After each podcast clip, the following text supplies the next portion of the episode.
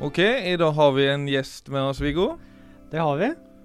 Og hvem er det? Det er Jenny Skavlan. Utrolig hyggelig. I like måte. Eh, jeg har hørt et rykte, Jenny, fra Philip, Oi, såpass. ja, at du har begynt å meditere litt. Stemmer det? Ja, bitte litt. Ja. Ja, jeg har uh, Dette er mitt andre forsøk i å laste ned en sånn meditasjonsapp som heter Mindfulness Nord. Sånn Mindfulness Norge eller et eller annet sånt. Ja. Uh, første gang jeg prøvde å laste ned, så ble så, så kom det sånn eh, Apple-ID, passord, og så havnet jeg inn i den der stressende sirkelen med at du ikke finner passordet ditt, og så går du inn på mailen, og så bare og så var intensjonen å bli veldig avslappet, og så ble jeg helt utrolig stressa. Så jeg bare la det fra meg og var sånn Hvis den appen skal gjøre meg så stressa Fordi jeg er veldig surrete på, på en uh, mailting og passord og sånn. Så da, da dreit jeg i det. Mens nå, uh, nå har jeg gjort det igjen. Så nå har jeg vært gjennom et sånn grunnkurs ja. med syv uh, sånne femminutters meditasjoner. Så, og det tok jeg vel siste for et par dager siden. Som jo er deilig, det. Det er deilig, ja. Ja. Jeg vet ikke, jeg, jeg vet ikke om jeg trenger mindfulness eller ikke, fordi jeg vet jo ikke hva, så, hvordan andre har det inni sitt hode. Og så kan jeg føle en sånn derre Um, Litt sånn Det må jeg jo, det burde jeg jo. Og jeg vet at disse smarte menneskene gjør det. Og så ser man på Instagram en som sitter og som anbefaler, og så blir det nok en ting Mm. man også føler at man burde gjøre.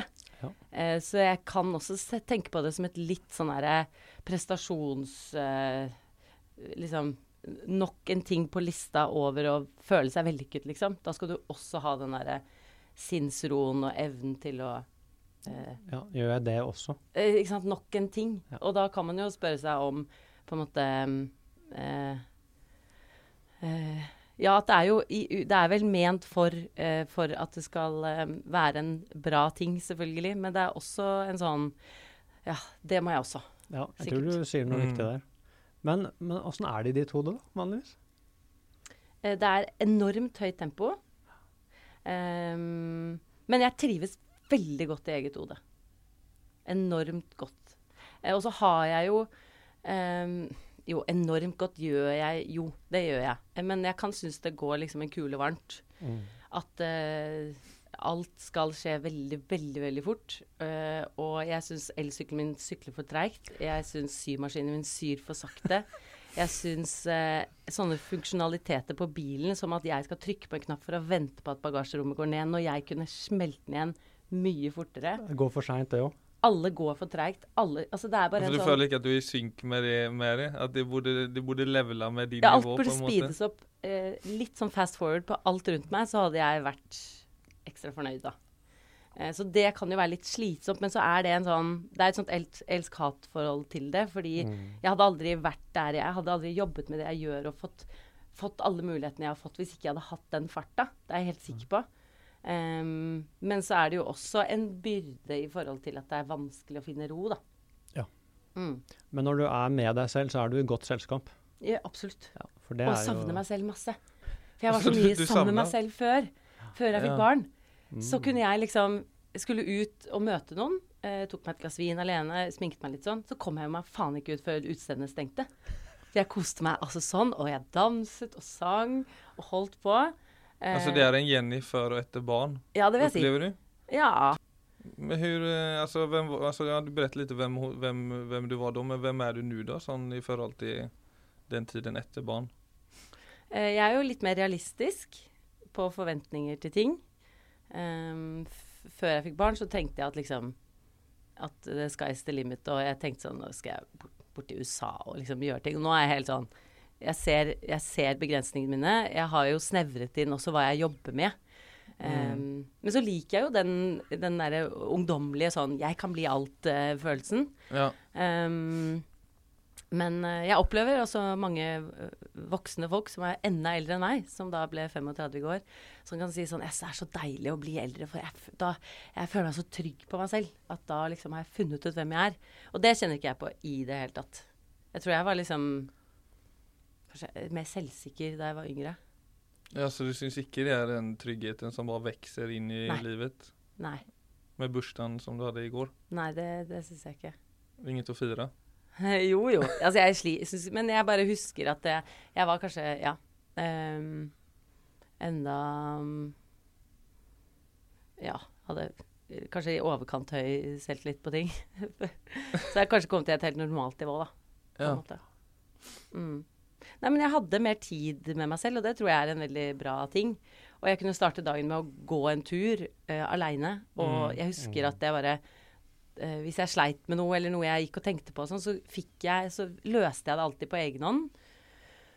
Og så kan jeg huske sånn mange ganger hvor jeg stoppet opp i Bygdøyskogen. Jeg gikk mye i Bygdøyskogen, og så stoppet jeg, og så fikk jeg sånn aha-opplevelse, for da skjønte jeg hva, hvorfor jeg følte det sånn, og hva, hva som egentlig lå bak. Mens nå får jeg alle de pausene. Altså, jeg går aldri en tur alene. Jeg sykler fort som fy for å rekke en barnehage. Mm. Jeg har aldri et vorspiel alene. Jeg er jo nesten aldri alene.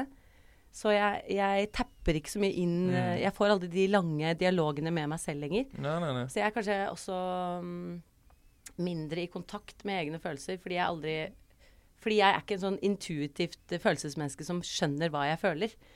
Eh, det tar meg lang tid, da. Noen er veldig i kontakt med følelsene sine og skjønner og forteller at 'dette føler jeg, og dette føler jeg'. Mens jeg sliter med å bare finne ut hva jeg føler.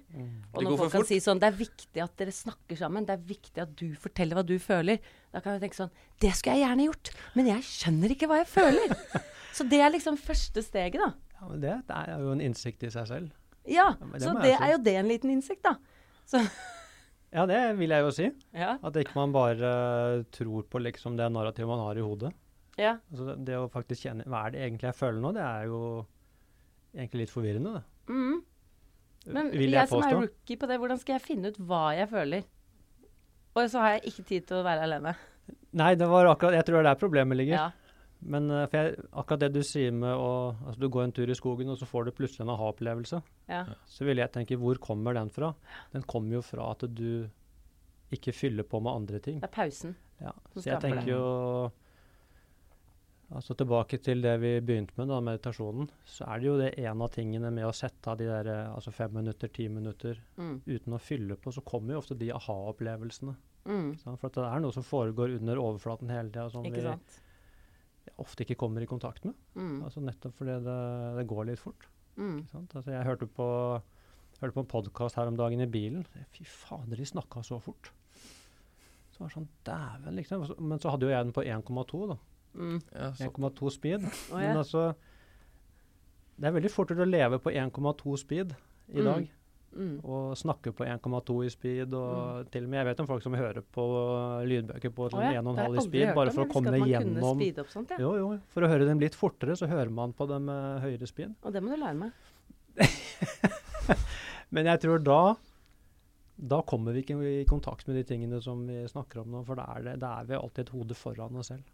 Ja, men jeg elsker jo også den farta, da. Og jeg mener at man skal ikke liksom sykeliggjøre Fart. fart. For da tenker jeg at da, hvis jeg skal sette veldig på spissen, da, og jeg vet at jeg er liksom, liksom også litt arvelig belastet med høy fart i hele familien, og at liksom du, du må selv sørge for å få til de tingene du vil, og da må du ha litt fart inn i ting, liksom.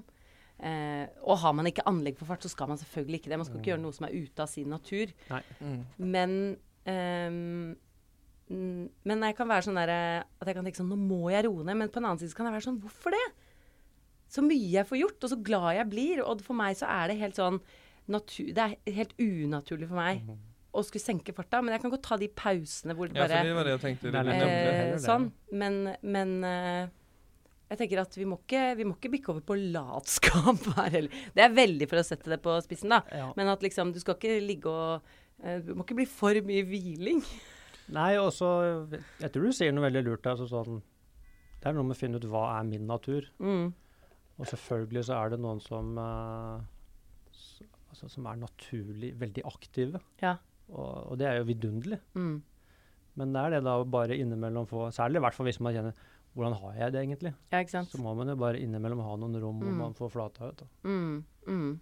Og så er jeg også litt sånn eh, Jeg er også liksom komfortabel med å ikke alltid vite hvordan jeg har det, så lenge jeg på en måte eh, føler en sånn en eller annen god følelse, da, så trenger jeg ikke nødvendigvis definere absolutt alt jeg føler hele tiden. For da kan man jo også kanskje gå litt opp i det, og det kan jo være litt sånn selvforsterkende på, eh, på ting. Så det å bare låse følelser inne er jo min, min strategi. Nei da.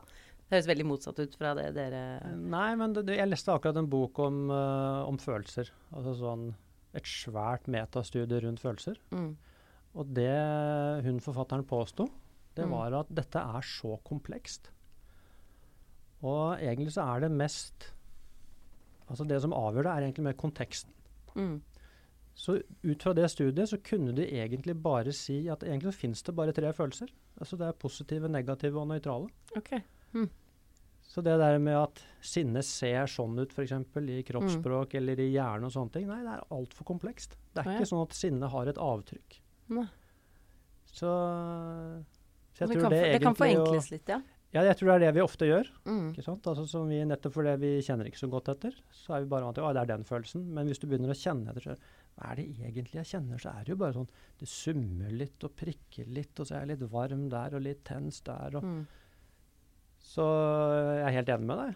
Så hva er det egentlig følelsen? Nei, det er egentlig umulig å vite, for at det Mm. er så komplekst. Ja, jeg, jeg skjønner ikke hvordan man skal gå løs på det der, med mindre noe konkret har skjedd, eller at du kan Ja, og det er i konteksten, ikke sant. Du Ja. sier Ja. Og så føler jeg at jeg kan i hvert fall også, før jeg skal noe som jeg tydeligvis har litt prestasjonsangst ovenfor, som jeg tror at jeg ikke har, så kan jeg bli litt sånn fraværende og litt kort og eh, litt sånn eh, Ja, litt sånn frakoblet. Og så, eh, så kan Thomas liksom Er du stressa for det? Så jeg sånn Nei, jeg er jo ikke stressa. Herregud, jeg har gjort det 100 ganger, liksom. Mhm. Og så gjør jeg den tingen, og så plutselig går jeg ut av det, og så er, liksom, så er alle de følelsene borte. Og da, skjønner, da kan jeg skjønne det. Ja. Men jeg trenger ofte um, situasjoner for å forstå hva jeg føler. Eller så er jeg også sånn som sluker følelsespodkaster og sånn. Selv om ikke jeg nødvendigvis går rundt og kjenner på mine, så elsker jeg å høre om andres. Ja. Og jeg lærer om følelser gjennom andres følelser, fordi jeg ikke er så i kontakt med mine egne. Jeg klarer ikke å detekte en følelse jeg, skjønner, jeg skjønner, skjønner sinne og skuffelse, jeg skjønner de store følelsene. Men den der litt sånn lille uroen hvor noen klarer å liksom påpeke at dette er fordi du sa det, og da blir jeg skuffet fordi jeg hadde egentlig forventet De som klarer å liksom se den linja der, da. Det klarer ikke jeg. Eh, så jeg bruker veldig mye sånn alle de mellom oss eh, og parterapier og alt sånt sluker det rått. Eh, fordi da hører jeg andre fortelle om noe, så kan jeg bli sånn Det er det samme som meg! Det var det jeg følte. Så bruker jeg liksom andre mennesker til å forstå hva jeg føler. Og da jeg syns i korona nå hvor jeg ikke har møtt folk, så har jeg ikke kunnet Um, Og det trenger ikke bare handle om følelser, det kan handle om verdier, og det kan handle litt bare om hvem jeg er. Mm. Ser jeg tydeligere når jeg er sammen med andre. For da kan jeg være sånn Du er sånn, og det var, der var jeg veldig ulik deg. Og så kan jeg ta med meg masse inntrykk, og så kan jeg komme hjem så kan jeg kjenne meg selv bedre fordi jeg har skjønt hvordan jeg er lik og annerledes andre. da. Mens i korona har jeg jo ikke hatt de mulighetene. Om det er et møte, en middag og en Sånn som at jeg møter dere to her, da. Man har ikke de der menneskelige møtene. Og da kan jeg bli veldig forvirret på hvem jeg er, for jeg trenger de Jeg trenger andre til å skjønne hvem jeg er, liksom. Mm. Men kan du men kan, du, kan, det, kan det på noe sett gjøre det vanskelig for deg å, å ta val iblant? Altså det med at du ikke helt vet uh, å fortelle deg? Nei, for jeg har veldig sterk, deg? Eller har du en veldig sterk sånn magefølelse. Ja, kjempesterk. Så jeg har, ikke, jeg har jo et management og sånn, men det, de har aldri tatt en avgjørelse for meg. Altså hvis, med tanke på jobb, da. Men uh, med tanke på liksom relasjoner og sånn jeg, jeg føler veldig sterkt at ting jeg skal og ikke, og hva jeg skal si. Ja, så Ja, mm, jeg, Nei, jeg har ikke slitt veldig med å ta valg, tror jeg. nei. Jeg blir litt tryggere på at magefølelsen er mm. Altså den bare bryter igjennom? Det bryter bryter der, litt eh, ja. Det, sånn, det, føles ikke, det føles ikke bra. Da Nei. gjør jeg ikke det, liksom. Nei. Mm. Men har du sånn altså For du har jo, du er ju, eh, ja det må man jo si. en offentlig person. Mm. Eh, som jeg tenker er det, altså, det er en viss sånn for, altså, Når jeg tar val i livet og sånt så det kan jo være svårt i seg selv på en måte. Og Mm. ibland bare liksom, OK, nå har jeg lyst til å gjøre det men kanskje jeg burde stoppe med det. Men du som på en måte, man har ju en väldigt sån tydlig idé om dig. Mm. Eller vem du är i alla, alla fall. Eller åtminstone ja, det är säkert många andra som har det också. Mm. Men kan du känna att det kan bli lite som en låst förväntning i ditt nästa steg för exempel? Alltså sån i, i hva, hva du har til å gjøre, eller om du har til å bryte ut en ny vei i livet, eller gå et Mm. annet spår, eller kan du kjenne en, en slags låshet i det å ha en, ha en så klar forventning over ens person? Ja. Eh, det, det ligger nok der og liksom vaker som en eh, Som et sånn lodd som er med i alle valg, på en måte. Um, men eh, det er ganske sånn intuisjonsdrevet der. Og så er intuisjonen min koblet opp til forventninger til meg, på en måte. Så alt henger veldig sånn sammen. Jeg føler ikke at jeg har liksom eh, eh, veldig sånn dette er hva jeg egentlig har lyst til å gjøre, og dette er det som forventes av meg. For jeg skaper jo litt sånn min egen vei, da. Ja. Um, men eh, jeg kjenner mye på sånn at jeg er redd for- å skuffe folk, eller at jeg er redd for at uh, folk ikke skal like meg lenger. Sånn, jeg er nok veldig opptatt av å bli likt. Det tror jeg jeg har vært siden jeg var liten. Mm. Nesten at jeg kan finne sånn coolt. sport i det. Hvis jeg skjønner at noen kanskje ikke syns jeg er så eh, ålreit, eller har ikke så sans for meg, så kan jeg være sånn Hvordan skal jeg knekke den personen, liksom? At det blir viktig for meg, da. Istedenfor å bare la det gå. Og så syns jeg det er liksom interessant å bare sånn Hvem er du, liksom? Men når du tog synes det, du er du, gøy, og du liker at jeg er litt sydronningen av Norge, Hæ? når du gikk over til å liksom bare lemne en del ting for å kjøre all in på syd. Ja. ja. Det er jo ikke nødvendigvis en sånn greie som alle tenker wow. Eller alltså tidigare så har inte det vært varit en trendy grej då om man ska Mm. uttrycka det milt. Mm. Nu har det ju blivit, eller det är ju både i tiden och coolt på många Mm. måter. Mm. Och har ju för så vidt varit coolt tidigare också, bara att inte Mm. ha haft den positionen liksom. Men det var ju på en måte ett sånt Där gick du, där banade du in i Mm. något helt annat som kanske, jag vet inte, var det otrygt eller var det bara veldig sånn dette Nei, det føltes nu- veldig riktig.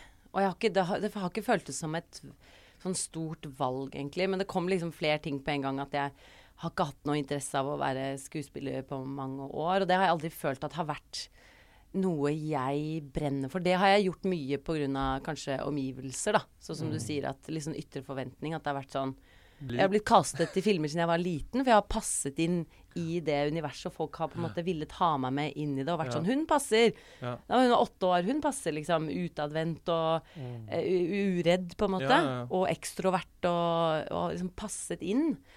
Uh, og så har jeg vært sånn Ja, da er det vel det, da er vel det noe jeg burde, liksom. Mm. Og så fortsatte jeg med det, og var sånn Jeg burde vel søke på Teaterhøgskolen, for alle sier jo at dette Her passer jeg inn. Men jeg har aldri følt noen sånn connection til det faget. Nei. Eh, når jeg sammenligner det med for meg å sitte og sy og lage klær, som er jo det stedet Selv om jeg skulle ønske symaskinen gikk litt fortere, og jeg blir forbanna fordi strykerne bruker fire sekunder på å varme seg opp, så finner jo jeg en helt sånn utrolig eh, ro i det. Em, og da gjør jeg én og samme tingen i timevis, og jeg liksom hele tiden Det er ikke skjerm, det er ikke ingen andre mennesker involvert. Det er bare liksom jeg og en prosess hvor jeg opplever liksom utfordringer og mestring og altså utrolig mange ting. Så det er helt sånn avhengighetsskapende. Jeg vil egentlig bare gjøre det absolutt hele tiden. Så der har du passion. Der har jeg enorm passion. Og det kan ikke sammenlignes med den passion jeg har for skuespill, f.eks. Men det tok meg jo mange år å faktisk liksom da legge litt til side de tingene jeg faktisk ikke har Men det var ikke lidenskap vanskelig? For, da. Nei, for det er jo ikke noe sånn Det er jo ikke noe sånn for alltid satt. Jeg har jo ikke Jeg har jo ikke sagt opp jobben min eh, noen steder. Men akkurat nå så er det liksom bare det jeg vil gjøre. Ja, men det er jo, jeg er jo arvelig belasta og har gjort det siden jeg var liten. Og jeg kjenner en veldig sånn tilhørighet og en veldig sånn Jeg føler meg bra, og jeg føler meg hjemme, og jeg eh, Ja, jeg, og jeg elsker det så Ja, fordi interessen kommer via familien? Ja, moren min er kostymedesigner eh, og hadde systudio i barndomshjemmet. Eh, og så har jeg bare en sånn Jeg syns bare tekstiler er veldig, veldig gøy. Altså for meg å gå på sånn tekstil... Ja, du kommer jo med dine egne klær og dine egne Jeg har väskor. sydd eh, alt. og... Och... er sydd, vet du. Av gamle, dette, denne kjolen min er sydd av en gammel duk. Fantastisk. Denne sydd av duk, og denne sydd av sengeteppe. da. Så det er jo liksom det jeg syns er gøy med det. For jeg syns det der å gå i en stoffbutikk og peke på en rull og ta med seg et mønster, er sånn Det er litt snork. Men å finne et gammelt tekstil Og så er Der er jo mulighetene begrenset òg, for du har bare det, og det er kanskje en flekk der, og så er det en brodert rose der, og så må du liksom Mm. Det er masse mm, Det er ikke bare Det er ikke en oppskrift, egentlig. Du må liksom ja, karre deg og Kanske du kan skreddersy en poddoutfit till mig och Viggo? Det må jeg gjøre. Eller bare sånne hetter Eller til- strumper, for jeg fryser ofte om Ja, er det sant? Jeg tror jeg, ja, sy strømper, jeg vet ikke om hvor lett det er.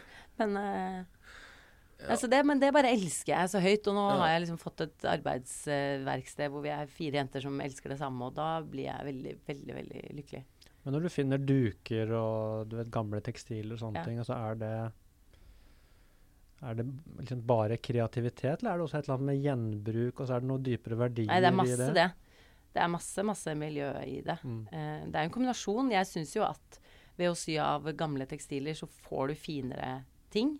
Du får mer unike ting, og du får ting med sjel som Mm. har levd, og du har ikke bidratt til å produsere noe mer. Mm. Eh, å ta i bruk de råvarene som allerede er produsert, er en, det er liksom den grunnleggende eh, Altså, det er superviktig. Uh, og så kommer alt det på toppen som er sånn at uh, jeg syns det er finere, og jeg syns det er morsommere, Mm. og jeg syns det har liksom sjel, da. Så det gjør prosessen Jeg syns nesten det er sånn Jeg føler at jeg taper litt hvis jeg går og kjøper meg stoff. For nå har det blitt en litt sånn der eh, eh, obsession òg, da. Å finne de tingene. På Finn og på Tice og på loppemarkeder og, og sånn. Mm. Men hva tror du var grunnen til at du la deg ned denne mindfulness-appen eh, på nytt? da? Eh, det var fordi jeg følger hun som heter Psykolog-Pia på Instagram. Ja, Det vet vi noe til hvem de er. Hun er, nei, hun er veldig flink. Og hun uh, bare skrev en post om sånn Det, det er det er jo det med tilstedeværelse, da. Mm. Ja. Fordi jeg er så Hadde ikke jeg hatt liksom syingen som jeg elsker Og det er jo ikke bare at jeg syr, vi designer mønster, og vi Jeg har jo liksom en bedrift rundt dette nå som jo eh, vi eier, så det står jo og faller på Altså økonomien og alt står og faller på dette på Fabrik, da. Ja. Um, så jeg tenker jo helt sånn enormt mye på det. Så det er kanskje det å klare å slippe Slippe det. For jeg tenker på det når jeg skal sove. Jeg tenker, jeg tenker på eh, jobben min eh, nesten hele tiden. Ja, Og det det, kan det være litt plagsomt. når du snakker om det at det går i så høyt tempo at det er full fart og sånt. Er, kan det kan da på en måte Ikke nakkdelen med det, men du nevner tilstedeværelse. Kan det være det den, den farten da Ja, ja. trekker deg litt bort fra Ja. Det at som jeg er skjer veldig til framfor deg stede også. Men jeg aner jo ikke hva, hvordan andre opplever Jeg vet ikke hvordan andre har det i sitt hode. Jeg vet ikke om, om det jeg sitter og opplever i forhold til hvor til stede jeg er Kanskje jeg er kjempetil stede. Jeg aner ikke. Jeg har ikke peiling. Det høres jo ut som du er veldig til stede når du syr. Altså det, Da er det. Alt det du forteller her, er jo Du er jo helt oppslukt Ja. I det du driver med. Ja. Så det er jo også altså, Tilstedeværelse er jo ikke treigt. Det er veldig viktig å huske på. Ja, altså, ikke sant? er, altså, Ja, ja, skal du sitte med en kopp te, og så er det sånn derre og det er nesten som man tar 30 sekunder å få koppen opp Ja. til altså Det irriterer meg faktisk. Altså, da blir Ja. jeg, får jeg lyst til å stikke fingeren i øyet Ja. på folk hvis de holder på sånn. Ikke sant? Så det, er, det, er, det er av de mytene som man godt kunne få utradert. Ja. Stikke fingeren veldig sakte inn i øyet, da. Ja, Nå kommer Ja, ikke sant? At det trenger ikke henge sammen. Nei, absolutt ikke. Det er veldig aktivt, vil jeg Mm. si. Altså sånn som når du får dine ideer, da, eller når Mm. du går ut og går og den type ting. Så er det, eller om jeg refererer til meg selv, så er det jo ja, Det blir på en måte klarast i hodet Mm. når jeg havner i sånne situasjoner der jeg kjenner at Sånn som i dette samtalet, da. Mm. Så blir jeg jo veldig Jeg er jo til stede og rolig, Mm. men jeg kjenner jo meg 100 aktiv Ja, ikke sant? i denne samtalen. Ja, ja. At det liksom bubler innvendig, nesten Mm. lågmält. Mm. For at jeg klarer av å bare lyssna til dere to, for Mm. Mm. Men jeg kan også føle at når man er da sånn til stede og eh, bruker hodet, så kommer det liksom Da kommer alle ideene, og så blir det nesten Det kan nesten bli for mye også. Mm. At det liksom At nå må jeg ikke, nå må jeg ikke komme på en ting til jeg har lyst til å gjøre, for det bare At eh, Mm. Ja, det skjer når jeg mediterer hele tiden. Så Ja. hele tiden. For det er som du sier, det er sånn om jeg sitter og lysner på deg nå, så kan jeg plutselig få opp en tanke, Mm. og så stikker min oppmerksomhet dit. i stedet for at jeg klarer å beholde min oppmerksomhet på Mm. hva du sier. Mm. Og da er det precis som den hopper fram og tilbake. Mm. Men styrken er der på en måte å klare av å bevare den på det du sier. Ja, og utfordringen ligger jo i å klare å bevare med noe som kanskje ikke er like gøy. For jeg er jo også bortskjemt i forhold til at jeg elsker jo Det er jo ikke alle som får oppleve det. å jobbe med noe de egentlig bare har lyst til å jobbe med hele dagen, og de kommer inn i den flyten. Jeg føler meg helt sånn ufattelig takknemlig som har funnet min ting, Ja. og som jeg elsker så høyt, og som jeg kan gå til når som helst. Og det har ikke noe pensjonsalder. Dette, Mm. dette er liksom, og det ser jeg på moren min, som har fullstendig likt hode som meg, og har da gått fra eh, først kostymer, så har gått til tekstilbilder, og nå lager hun skulpturer, og det bare det durer på. Så er det en bestemor som sitter eh, i huset sitt noen hundre meter fra meg, og hun vever bilder, da. Så det er bare damer som jobber med tekstil. Og, og hun er 86 og sitter og vever et gigantisk bilde nå. Så jeg er jo på en måte um, Det har jeg, men uh, ulempen kan jo være at fordi da har man liksom vært der, man har opplevd liksom hvor givende det er for hodet.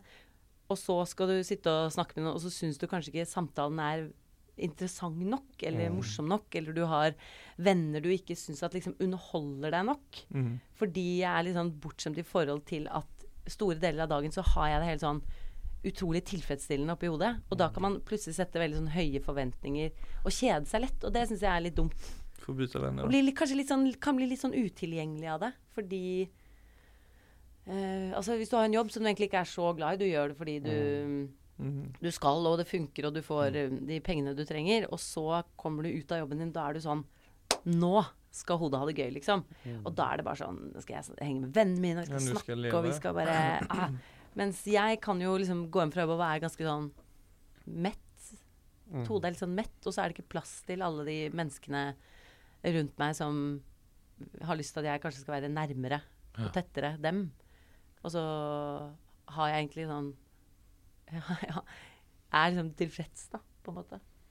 Men det er interessant det du sier der. altså den Det er noe alle må kjenne på på sin måte, men altså det blir da Hvordan forholder vi oss til alle de forventningene, Mm, altså til alt vi burde gjøre, mm, som vi kanskje ikke har lyst til?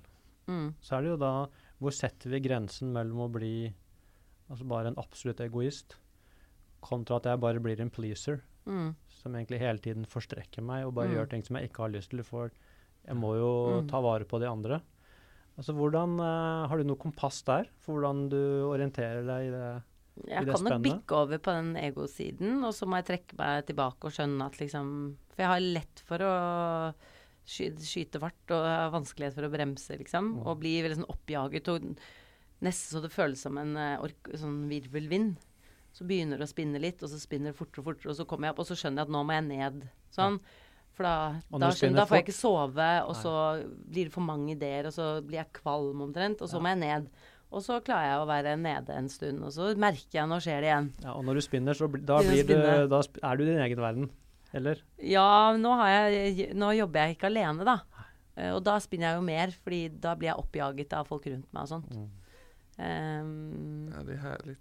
jag syns det är charmigt ja. Alltså jag, alltså jag säga vad det, nej jag bara tycker det var härligt att höra på ja. har har ikke du vært i en sånn orkan noen gang? Jo, da, jeg er i orkaner ofte, ja. Ja, hvordan utspiller det, det seg da?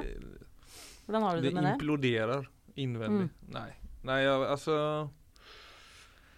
Nei, jeg har et ett födelseliv som jeg ikke helt forstår meg på. Ikke Som lever sitt egna liv. Jag följer, alltså mina tankar Kjenner du mye är intense veldig- følelser inni deg? Ekstremt. Oi, det er interessant, for det gjør ikke jeg. Ekstremt. Det er Som jeg blir helt sånn slått utav. Shit, tenk så forskjellige vi er. Ja. slags følelser Men tankene er veldig ålreite. Ja. Jeg, har haft, jag har alltid haft et ljust sinn på en Ja. måte. Men det er klart at tankene blir veldig väldigt av sånne følelsesstormer. Ja. Hva slags følelser følelser da, for eksempel? Hva kan liksom nej det är, det är, det är, vad ska man säga, det är ju Jag har alltid haft svårt för att sätta fingret på det men Ja. när jag var 19 år så fick jag en av liksom lite sån hårt, levt ett hårt liv som Ja. modell med alkohol och Ja. droger och den typen av ting. Som var väldigt vanlig i den umgängeskretsen så det så Mm. att jag valde ett eget spår mm. som tog mig ner i källaren liksom. Bara att jag var kanske lite för sensitiv för att hålla på med det där. Ja. Och så fikk jeg bare en våldsam existentiell angst plutselig. Mm. Som var sånn at hele verden ble absurd og fremmed. Mm. Altså tilværelsen gav ikke mening lenger. Mm. Og det er jo for folk som lyssnar kanskje ikke så, vissa kanskje kjenner igjen det, vissa kanskje ikke alls skjønner hva det innebærer. Men Mm. eh, det er på en måte at allting bare blir eh, mange kan sikkert eh, jamføre det med en panikangst på en måte. Mm. At allting bare går i oppløsning. Mm. Mm. Men den tilstanden Eller det til Altså, det gikk over på en måte. For det var Jeg bodde i Milano og, gikk som hadde det helt jævlig noen timer, men så gikk jeg og la meg og sovnet etter hvert. Og på morgenen så var det en kille som tok en eh, sigarett, og så fikk jeg bare den røklukten oppi nesen. Mm. Og så fikk jeg en sånn flashback. Oi. Og havnet inn i det der veldig sånn grumlige, eksistensielt rare tilstandet. Og så forblev jeg der. Så jeg kom liksom ikke tilbake til følelsen av gamle Filip. uten Utan jeg fikk orientere meg på nytt. Mm. Og du er der fortsatt? Og jeg er der fortsatt. Men jeg har jo altså Det er jo Det er vanskelig å si. Altså, har jeg har ikke kommet tilbake til, til den jeg var tidligere. Så sånn identitetsmessig så var det jo kjemperart. For det Mm. var som å gå fra det ene til det Mm. andre på en dag. Sykt. Så det, Ja, det er jo Ja. Men liker du, hva, hva liker du med den nye Philip, på en måte? Savner du gamle Philip? Eh, nei, det kan jeg ikke si at jeg gjør, i og for seg. Trots at det var et veldig happy-go-lucky og ålreit enkelt liv, på en måte. Mm. Men jeg var ikke på, på, på tal om det, så følte jeg ikke helt at jeg var til stede i det som skjedde. Fra at jeg var til jeg ble 19-20 år. Mm. Utan jeg bare levde. Autopilot. Mm. Men jeg var ikke helt klar over at jeg levde. Mens i dag er jeg ekstremt klar over at jeg lever. Mm. Alltså litt for klar nesten. Mm. Eh, känns det som ibland. Men eh, Hm. det som er har forsvunnet Jeg får altså så lyst til å bytte hjerner bare for ti minutter. Hadde ikke det vært gøy? Det, det hadde vært så gøy, fordi Men det som har forsvunnet som som, veldig interessant... det du prøver å forklare med ord, er jo nærmest umulig å forklare. Ja, det går ikke helt. Men det som, er, pos- er jeg er veldig glad for, var at jeg har, det bor ingen rastløshet i meg da. Oi. Så jeg er på en måte Altså, vi helt fri, fri fra det å kjenne at Jeg kjenner aldri at noe mangler. Eller jeg kjenner aldri at jeg Altså jo, det kan, altså når det stormer sånn følelsesmessig som det kan da, Ja. vil jeg ikke være der. Men sånn når jeg er nøytral i følelseslivet, da kjenner jeg ikke at jeg må gjøre noe for å få det bra. Ja, men jeg kan også være veldig med å ikke Jeg trenger ikke noe mer Det er ikke sånn at jeg tenker veldig mye at hvis vi bare hadde gjort dette, eller hvis vi bare hadde dratt dit, så hadde ting vært bedre, liksom.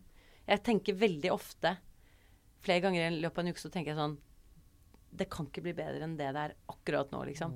Og da kan det være sånn Barna sitter og spiser en is, og det er sol ute. Og da tar jeg Det er litt etter den der eh, appen min også, at jeg prøver å lukte på syrinen og prøve å sånn, ta inn ting, da. Men ehm, Ja, det tror jeg også er viktig å si til seg selv sånn Det er ikke mulig at sånn, livet, det er mulig at livet aldri blir bedre enn dette, liksom. Mm. Når du kjenner det. Når Ja, liksom det er alle er veldig- tilfreds, og du Alle rundt deg er friske, liksom. Du vet jo aldri hva som kan skje, da. Nei, og det betyder ikke at man skal gå rundt og tenke på at å, folk har det så mye verre og jeg har det så bra. At, det, det, at man liksom skal gå rundt sånn. Men det er noe som du sier, bare vende oppmerksomheten mot Ja, og være liksom takknemlig for eget liv. Ja, Eller så skal det gå mange år, og så ser du tilbake og sier sånn Det var jo en helt fantastisk periode, men Ja. så sto man i det, så tenkte man det aldri selv, på en måte. Mm. Nei, og det vil man jo helst. Mm. Men kan jeg spørre, når du sier at følelsene stormer inni deg. For jeg som er litt sånn følelsesrookie, er det en konkret Kan det være liksom sånn at det kommer en tristhet, eller kan det bare være en uro, du bare skjønner at dette er følelser, men at de er ubestemmelige? Er det bare masse av mange følelser? Generelt mye følelser? Eller er det Eller kan du på en måte oppleve sånn Nå blir jeg sint, og nå blir jeg ikke Og sinnet tar overhånd, liksom? Og blir det Eh. utløst av, av noe ytre, eller kommer det bare Oppstår det inni deg? Nei, altså koffein og alkohol og nikotin og den type ting, den, det trigger veldig Følelse, det trigger følelser? nervesystemet. Ja, ikke sant? Kanskje jeg Ja. Mm. Eh, men så de store følelsene som jeg snakket om der, de har jeg dårlig kontroll på. Mm. For de lever, det, og det har jeg vanskelig for å helt forstå også. Så det setter meg mer ut. Men altså mindre følelser som oro eller Eller mindre, men Mm. altså litt mer sånn ytterligere, da. Mm. Som stress stress, oro og sånt som kommer og går av. Der har jeg veldig lett for å se hva som kommer av hva, tror jeg. Mm. At jeg har en eh, At jeg er veldig observant på Og så har jeg lært Jeg har jo på en måte fått reflektere veldig mye over tanker og følelser og alt sånt der Mm. I, i samband med at alt dette hendte. Mm. Så jeg har hatt et sånt blikk på meg selv veldig mye i mange år. Altså inn i stedet for ut, på en måte. Mm. Så det har nog gjort at jeg har lært kjenne mitt system sånn grunnleggende. Mm. Förutom allt det der som bare Mm. er litt for crazy for meg iblant for å tappe inn i og forstå. Mm. Det er bra at jeg stiller spørsmål, da. Jo, takk skal du ha. Ja. Men man må vel kanskje mm, Jeg tenker sånn at du har lært å kjenne deg pga. det skjedde med deg. Jeg har også liksom hatt den virvelvinden som har gått for høyt og for fort, og så har jeg skjønt at liksom Og så lærer jeg jo litt av hver gang. Mm. Eller jeg har også overarbeidet meg et par ganger og liksom ligget rett ut. Så, og det, det tar man jo med seg. Så liksom det der å, å forstå sine egne følelser handler jo også veldig mye om erfaring, sikkert. Og hvis man ikke har den intuitive forståelsen, så kan man jo bygge opp forståelsen gjennom eh, erfaring, da. Ja, så er man jo fast i visse altså, som å drikke alkohol, og det er jeg veldig glad i, altså i, i Mm. milde måter. Altså jeg elsker å, å ta et glass glas vin eller två eller tre, Mm. men der har jeg en veldig sånn tydelig grense. da. Mm. Men den push, fortsetter jeg å pushe. Så Mm. det er en sånn stendig kamp òg. Ja. For at man ønsker på en måte at sånn skulle det være, Mm. men så er det sånn. Ja, ja.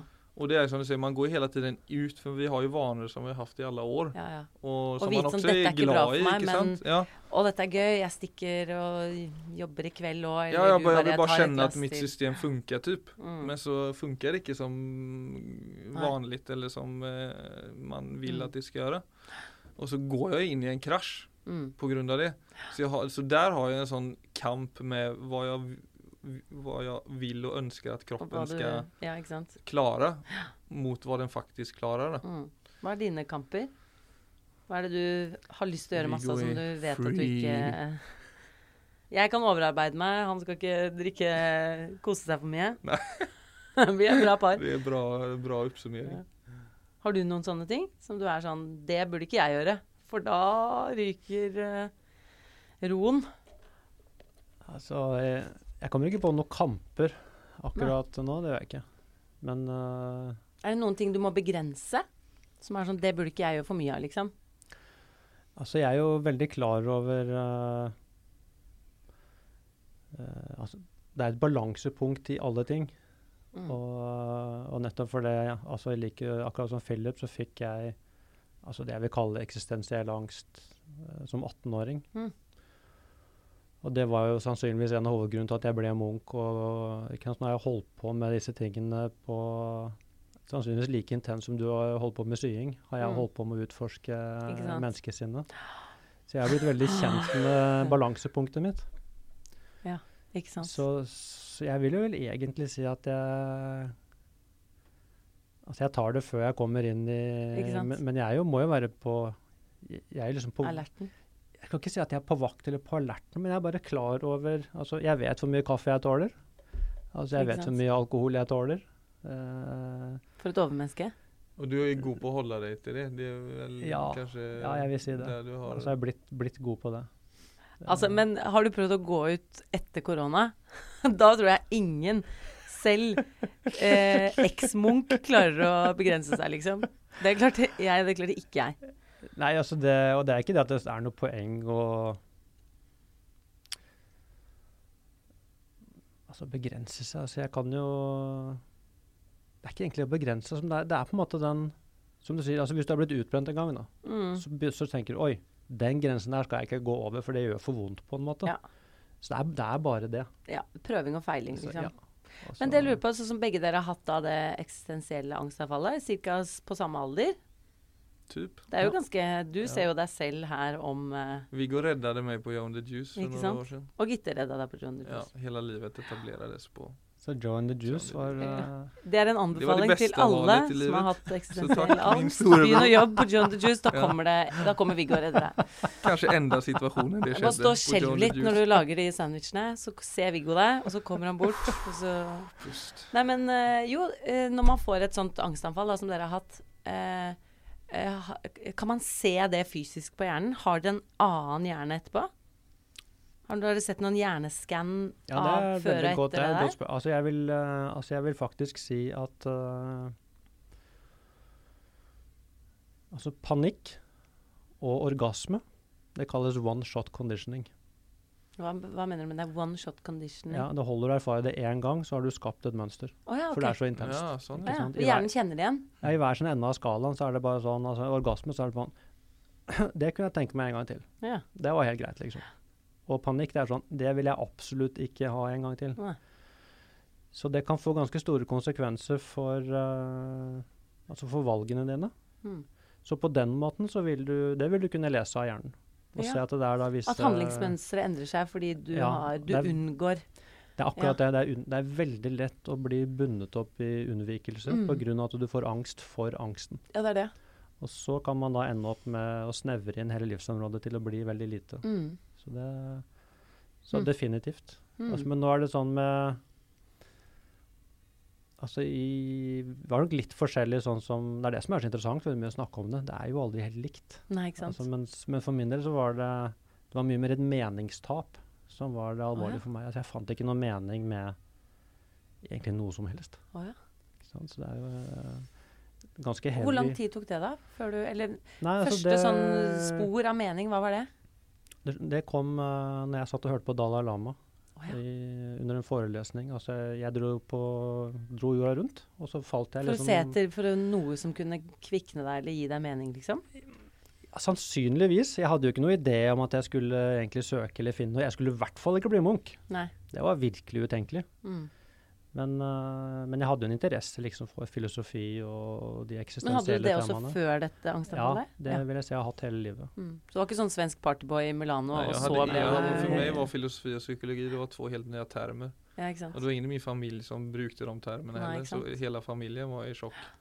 Ja. Ja, men jeg var jo så, altså, partygutt i høyeste grad. Ja. Men jeg hadde den interessen. Men, jeg, men så satt jeg da og hørte på Dalai Lama snakke, og så bare Så var det sånn Oi.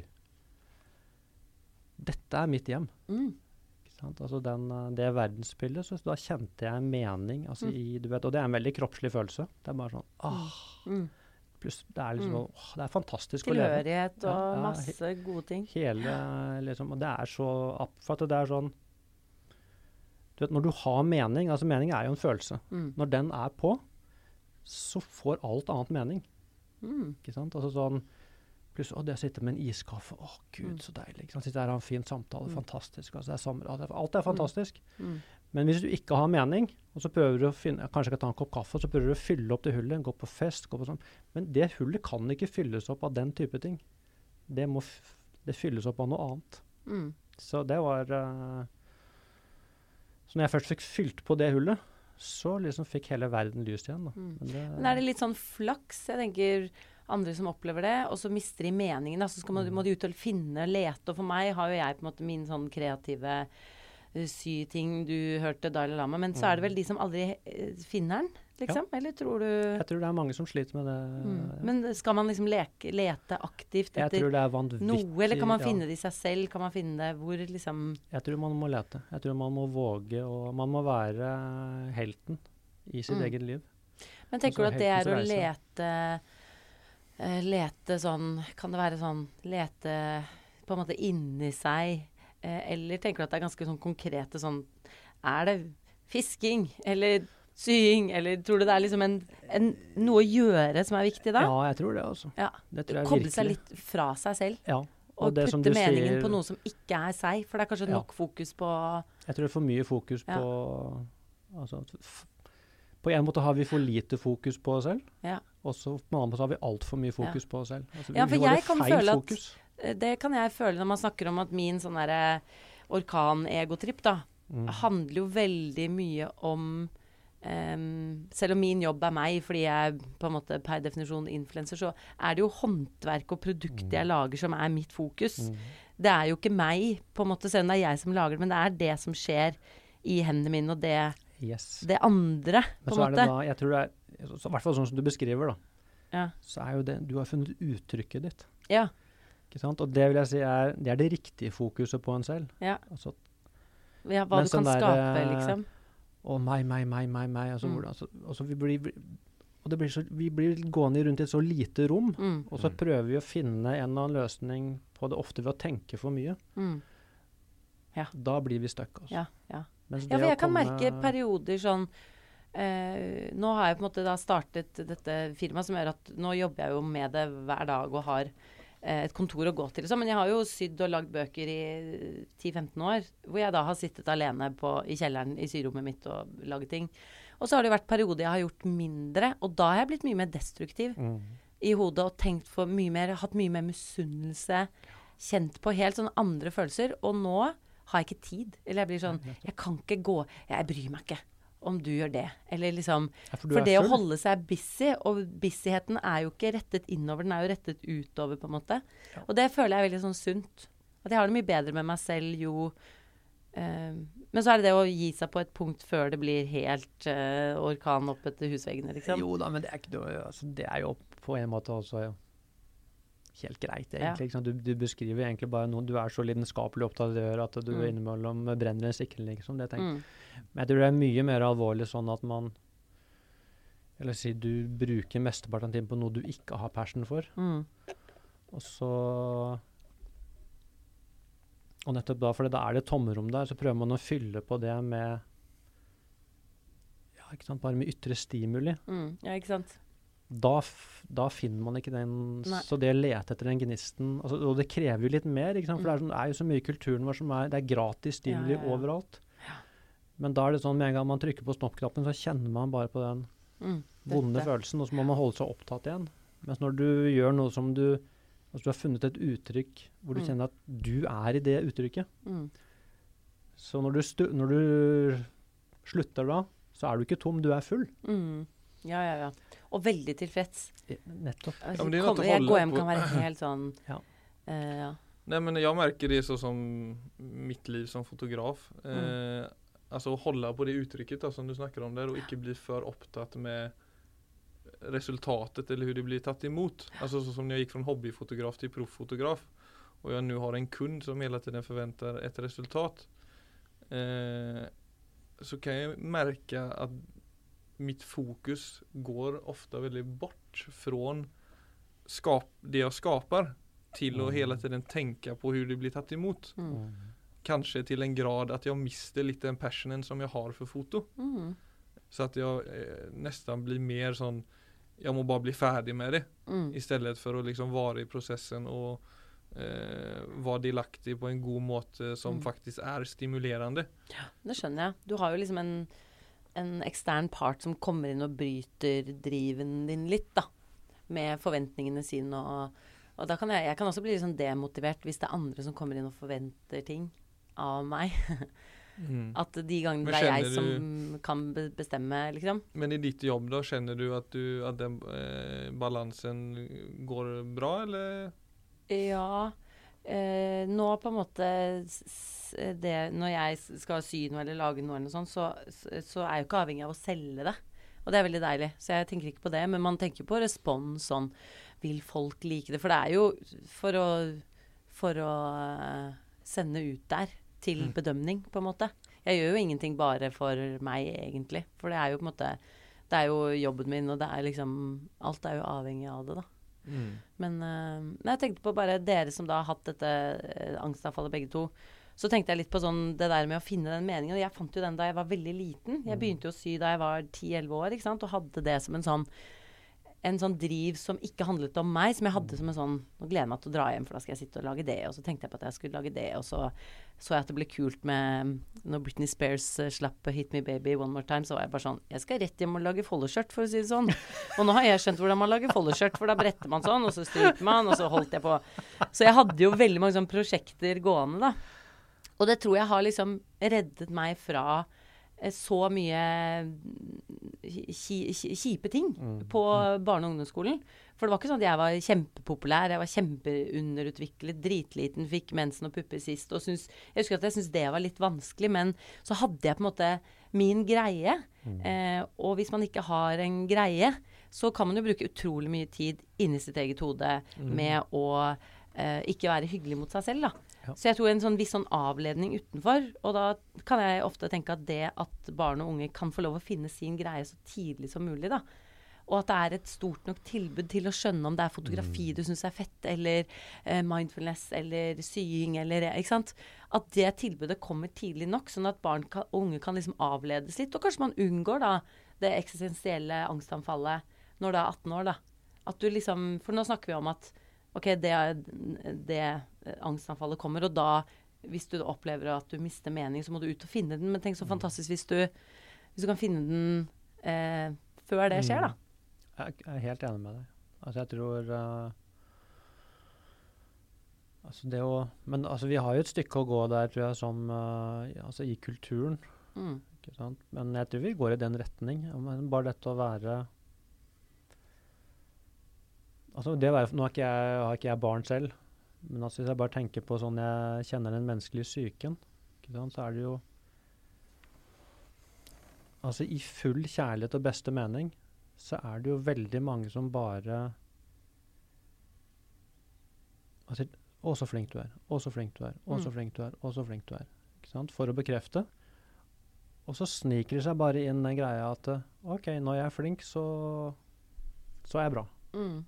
Og plutselig så, så mister man kontakten med den Altså bare det å være meg. Og at det er nok. At det holder, ja. Så det å altså jeg tror bare den å kunne se liksom fra veldig tidlig Hvis man kunne fått Mm. speiling på det man faktisk var, Mm. kontra det som uh, det som ligger i tiden, eller det kanskje foreldrene egentlig gjerne vil at du skal Så helt ubevisst gir man bare masse speiling på visse ting og ikke Mm. på andre ting. Og så er det noe med Mm. å få lov til å utforske hvem man er, Mm. uten at det skal bli stappet informasjon i det lille hodet liksom så Mm. fort eh, Da tror jeg mye ville ordne seg faktisk av seg sjøl. Mm. Altså få rom til å utforske det ute. For det er, alle mennesker har jo et uttrykk, som, som alt annet i naturen. Og det uttrykket vil Sånn er det for meg i hvert fall. altså Det uttrykket vil alltid være den gaven som du putter i potten. Mm. Det er derfor vi også skal ha forskjellige uttrykk. for da blir det Mens når det da er én ting som alle skal bli, så driter vi i vårt eget uttrykk, for at det er det, det vi skal et annet sted. Mm. Og da mister vi oss selv. Mm. Så det er et eller annet der som er enormt viktig. Og følelsen av å bidra med noe, Det er nettopp det. den er så god. Å vite at eh, han Øde, eh, sønnen til han Odd Neidrum, en veldig fin fyr, han var Mm. på den eh, Sånn har du-podkasten og snakket om hva er meningen med livet. Og da mente han at det er det å produsere noe du syns er meningsfylt, Mhm. og putte ut i verden. Og det kan være ord, og det kan være Ja. masse ulike ting, men Mm. føle at, eh, at du bidrar til fellesskapet med noe du liker å drive med, liksom. Ja. Det tror jeg også er Ja.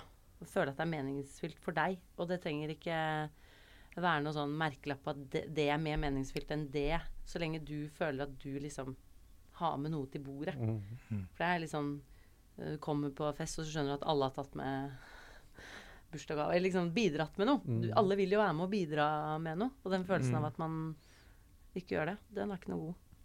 Nei. Og da er det ikke rart man blir deprimert. Det, det tenker jeg er en sånn, så På en måte så er disse altså Depresjon, f.eks., som er vel det mest utbredte psykiske lidelsen i dag, mm. så tror jeg det egentlig er jo egentlig en intelligent reaksjon.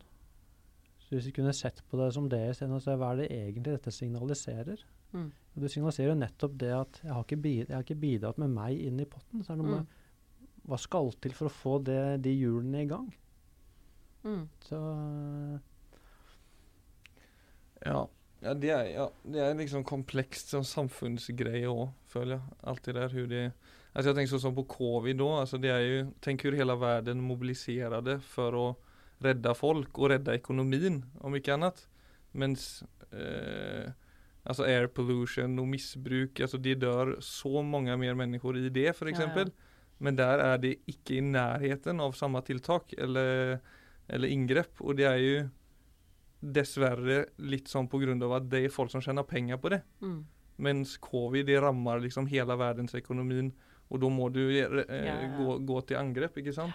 Men folks helse Mm. og folks ve og vel, det kommer som en andre prioritering. Mm. Og hvordan vi har det. Mm. just, Og, ja. just the way it is. ja, men det, det er jo liksom den For vi Mm. snakker jo på et personlig plan nå. Men det er jo de ytre kreftene som også skaper de vilkårene for oss. Absolutt. Mm. Så det er ikke så lett å bare Nei, det er snap som it out ja. og finne en sånn retning for at det er en del ytre krefter der. Men jeg tenker jo mer man er samtidig klar over det, jo mer gynnsomme kan jo sånne her samtal være. Mm. Absolutt. Så, men jeg tror vi har uh, nått vår eh, Bunn. bunn her. Nei, jeg har et siste spørsmål Nei, til Jenny. Som du, det synes jeg var veldig interessant, men det ble, det, vi fikk ikke fulgt opp det. Altså du så Tidligere så kunne hvis du så at noen ikke noen ikke likte deg, eller Mm. lurte på om ikke de likte deg skulle den, Altså, den koden skal jeg knekke. Mm. Hvordan er det i dag, da? Det er ganske likt. Det er ganske likt. Da. ja. ja. Det er en liten hobby jeg har. Det er jo ja, Men om jeg og Viggo nå sier at vi ikke liker det etter denne episoden, hva skal du gjøre for å få oss på laget? Da er jo løpet litt kjørt, på en måte. Jeg kommer ikke til å oppsøke. Jeg kommer ikke, jeg kommer ikke til å begynne å personlig oppsøke Viggo for å like meg. Da må jeg bare akse- Og jeg Og er aksepterer det. Hoppen er jo fint, da. Det. Nei, men jeg syns det er mange som er veldig mye flinkere enn meg til å ikke bli likt. Og det, det beundrer jeg. Eh, De som tør å ha mer upopulære meninger og tør, liksom. Mm. Jeg tror ikke jeg blir oppfattet som noe, noe svekling. Eh, Jeg har jo masse meninger om de tingene jeg føler at jeg kan noe om, da. Mm. Um, men jeg er ikke noe glad i å ikke bli likt, nei. Og så syns jeg at um, Nei, jeg syns mennesker er veldig gøye. Jeg Ja, men det tenker jeg, du er så nysgjerrig med, altså at alltid jeg snakker med deg, så er du jo veldig nysgjerrig. Og den egenskapen hos deg blir man jo väldigt glad og stimulert av. ja. Så bare legg bort de Nei. Nei, men jeg bare syns det er eh, Og så føler jeg at jeg liksom har Jeg har ikke levd et kjempelangt liv, men jeg har på en måte litt sånn innpass i mange ulike miljøer, da. Født og oppvokst på vestkanten. Eh, litt sånn kultursnobbete foreldre. Jobber nå på sånn eh, stort kunstnerkollektiv hvor folk har tatoveringer i ansiktet. Jeg har hele bredden. Mm. Og da syns jeg det er så gøy å knekke de ulike typene, da. Mm. Sånn på verkstedet her om dagen så kom det en fyr, tidligere Bandidos-fyr. Masse tatoveringer i hele hodeskallen. Og da var det sånn oh, han er spennende. Hvordan skal jeg få Hvordan skal jeg liksom komme Inn der. Hvordan skal jeg finne liksom tonen med ham? For han når han går ut Han skulle fjerne noe sopp eh, på veggen. Ja, for de har litt gjengfolk Eh, Ja, det er tidligere Bandidos eh, lokaler, det vi er i, da. ja, det Um, gangster. Det er litt gangster. Men da blir jeg sånn Når han går herfra, så skal vi ha så god tone. For jeg vet akkurat hvilke knapper Det er ikke alltid jeg klarer det, men jeg ser nesten på det som en sånn liten eh, ut, en sånn liten lek jeg har i hverdagen. Mm. Som er sånn Å, du er litt sånn surpinne, litt sånn eh, Sånn. Ikke deg altså, Viggo, men at jeg kan være sånn Jeg har sånn, ja Noen sånn i nabolaget som er ordentlig sånn sur. Da blir jeg sånn Jeg skal knekke Jeg skal ha deg til å smile. Og motivasjonen er ikke nødvendigvis du skal like meg, men motivasjonen er jo veldig sånn Jeg skal forstå hva du syns er gøy. Og noen ganger så drar jeg den litt langt, og så skjønner jeg sånn OK, vi er der, litt- da trekker vi oss litt tilbake her, og så modererer det, liksom. Ja, for når jeg hører på deg, så jeg synes jeg det høres ut som en vanvittig smart strategi for å leve et godt liv. Ja, det må jeg si. Ja. Det må jo være veldig bra for uh, egentlig alle relasjonene du er i. Ja.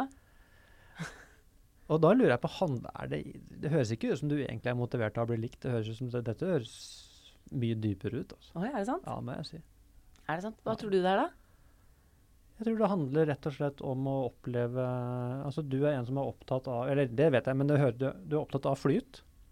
Veldig opptatt av flyt, ja. Og, når du, og det blir på en måte altså Alle mennesker er jo på en eller annen sånn frekvens, da. Ja. Ja. Så hvis du på en måte finner den frekvensen, og så får du Hvordan kan vi få dette til å skinne? Og det er jo virkelig spennende å se. Hvordan kan vi få denne samtalen til å Ja. åpne seg? ja og det er Og det er jo på fantastisk når man får til det. Ja, Mm. det er veldig på hugg på. Men uh, og, det, og det i seg selv, det er jo sin egen belønning. Mm. Altså for meg, Det er på en måte nøkkelen Ja, for til det jeg ender ofte opp med veldig hyggelige, gøye kvelder og sånn, for jeg bruker den første halvtimen på å synke folk og Mm. skjønne sånn OK, du kommer inn fra sidelinjen her, du har Mm. hatt en dårlig dag, da må du Du må preppes, du må dempes, og så finner vi liksom et sted midt imellom. Men det er nok eh, Det syns jeg er litt gøy også med sånn familie Jeg kommer fra en søskenflokk på tre. eh, Da med mor og far. Og når du Jeg har vært den derre Jeg har nok vært den eh, moderatoren i midten som har skjønt sånn rundt middagsbordet sånn Ok, brutter'n er dritsur. Eh, søsteren min eh, har også de har sånn tillatt seg kanskje å være litt mer Ha litt mer, litt mer eh, Hva sier man da? Ikke sant, jeg vet ikke hva det heter. Si humør. humør. Det går fint, det går helt fint. Ja. Det har vært det bra. Ja. Hatt mer humør, da. Ikke nødvendigvis bare positivt, men Mm. um, Og da har jeg alltid prøvd å sånn uh, Legge meg et eller annet sted i midten, eller veie opp, da. Være en sånn vekt. Mm. vekt. Som vi har sånne gamle julekort hvor du ser sånn mor og far er dritslitne, tre små barn. Far er overarbeidet og skal nedbetale et eller annet hus han har kjøpt, og alle er sure. Og jeg er så blid. På alle julekortene så er jeg sånn Jeg smiler for alle! Så jeg tar utrolig mye sosialt ansvar. Ja. Altså, Veldig det er mye. litt sånn og det kan også være litt slitsomt. ja. så Ja, jeg har er fått uh, blitt bedt før om å bare sånn Prøv i dag å Ja. ikke ta ansvar. Len deg tilbake. Mm. Men jeg kan føle det som et personlig nederlag hvis det blir uh, kjedelig. Ja, men jeg tenker det er veldig stille. interessant å sjekke ut liksom, hva, er, Men det er hva er ansvar, og hva er faktisk altså en dyd. da. Ikke sant? For det tenker jeg absolutt Mm. er uh, Og du vet, sist, jeg må si én ting til, Philip. For at det, du vet, altså den opprinnelige betydningen av ordet mindfulness, Ja. det er den balanserende faktoren. Oh, ja. Så Det er den faktoren i Mm. som balanserer alle de andre tingene. Altså det som legger merke til at oi, nå er det litt for mye der. ja. Litt Nå må du hente deg litt inn. Nå er det litt lavt der, nå må du Ja. skru litt opp Mm. der. Litt sånn som det der miksebrettet ja, ja, deres. Så det er jo e- en av definisjonene på tilstedeværelse. Mm. Akkurat. Så du, du er på en måte den eh, Du er mindfulness-rollen i det sosiale rommet. Ja, ikke sant. Det skal jeg eh, Mm. trykke på T-skjorte. Men det hadde vært interessant. Nå er det sånn miksebord her med masse sånn knotter man kan ta opp og ned. Det hadde vært gøy å skrive liksom ulike følelser her, og så prøve å, å gjøre sånn, Mm, og så se hvor, uh, se hvor uh, balansert det er. Ja, hvor er det optimale? Mm. Så er, eh, Vi kan godt dra i knappen lite der og avslutte med å se hvordan våre Mm. røster tweakas. Mm. Nei, har du en avslutning, Philip? Nej, alltså du avslutade med balans och jag upplevde väl att vi startade lite med balans så. Att det är liksom yttre och inre krafter som vi må Mm. på en måte bara finna en slags härlig mellanväg i. Mm. Men det gjør vi alle tre helt fantastisk. Mm. Jeg skal fortsette med appen min. Uh, og jeg skal ikke bremse, men jeg skal litt oftere stoppe helt opp for å få tid med meg selv. For at aha-opplevelsene eh, skal fortsette å komme. Det er supert. Mm. Vi kan ha en sånn dialog og så kan vi medle til Viggo hvordan det Mm. går for oss. Og hvis, hvis det noen gang kommer eh, muligheten til å eh, prøve hverandres hjerner, så regner jeg med at Viggo får den informasjonen først, siden han har vært Munch. Mm. Så må du si fra, for jeg og Philip har veldig lyst til å prøve å bytte hjerner, da. Ja. Har vi ikke det? Jo, veldig. Veldig. Tusen takk for at du kom, Jenny. Takk for at jeg fikk komme. Takk for at du kom, Veldig hyggelig. Vet du hva, da skulle vi byttet hjerner, så skulle vi ligget sammen. Det hadde vært sykt!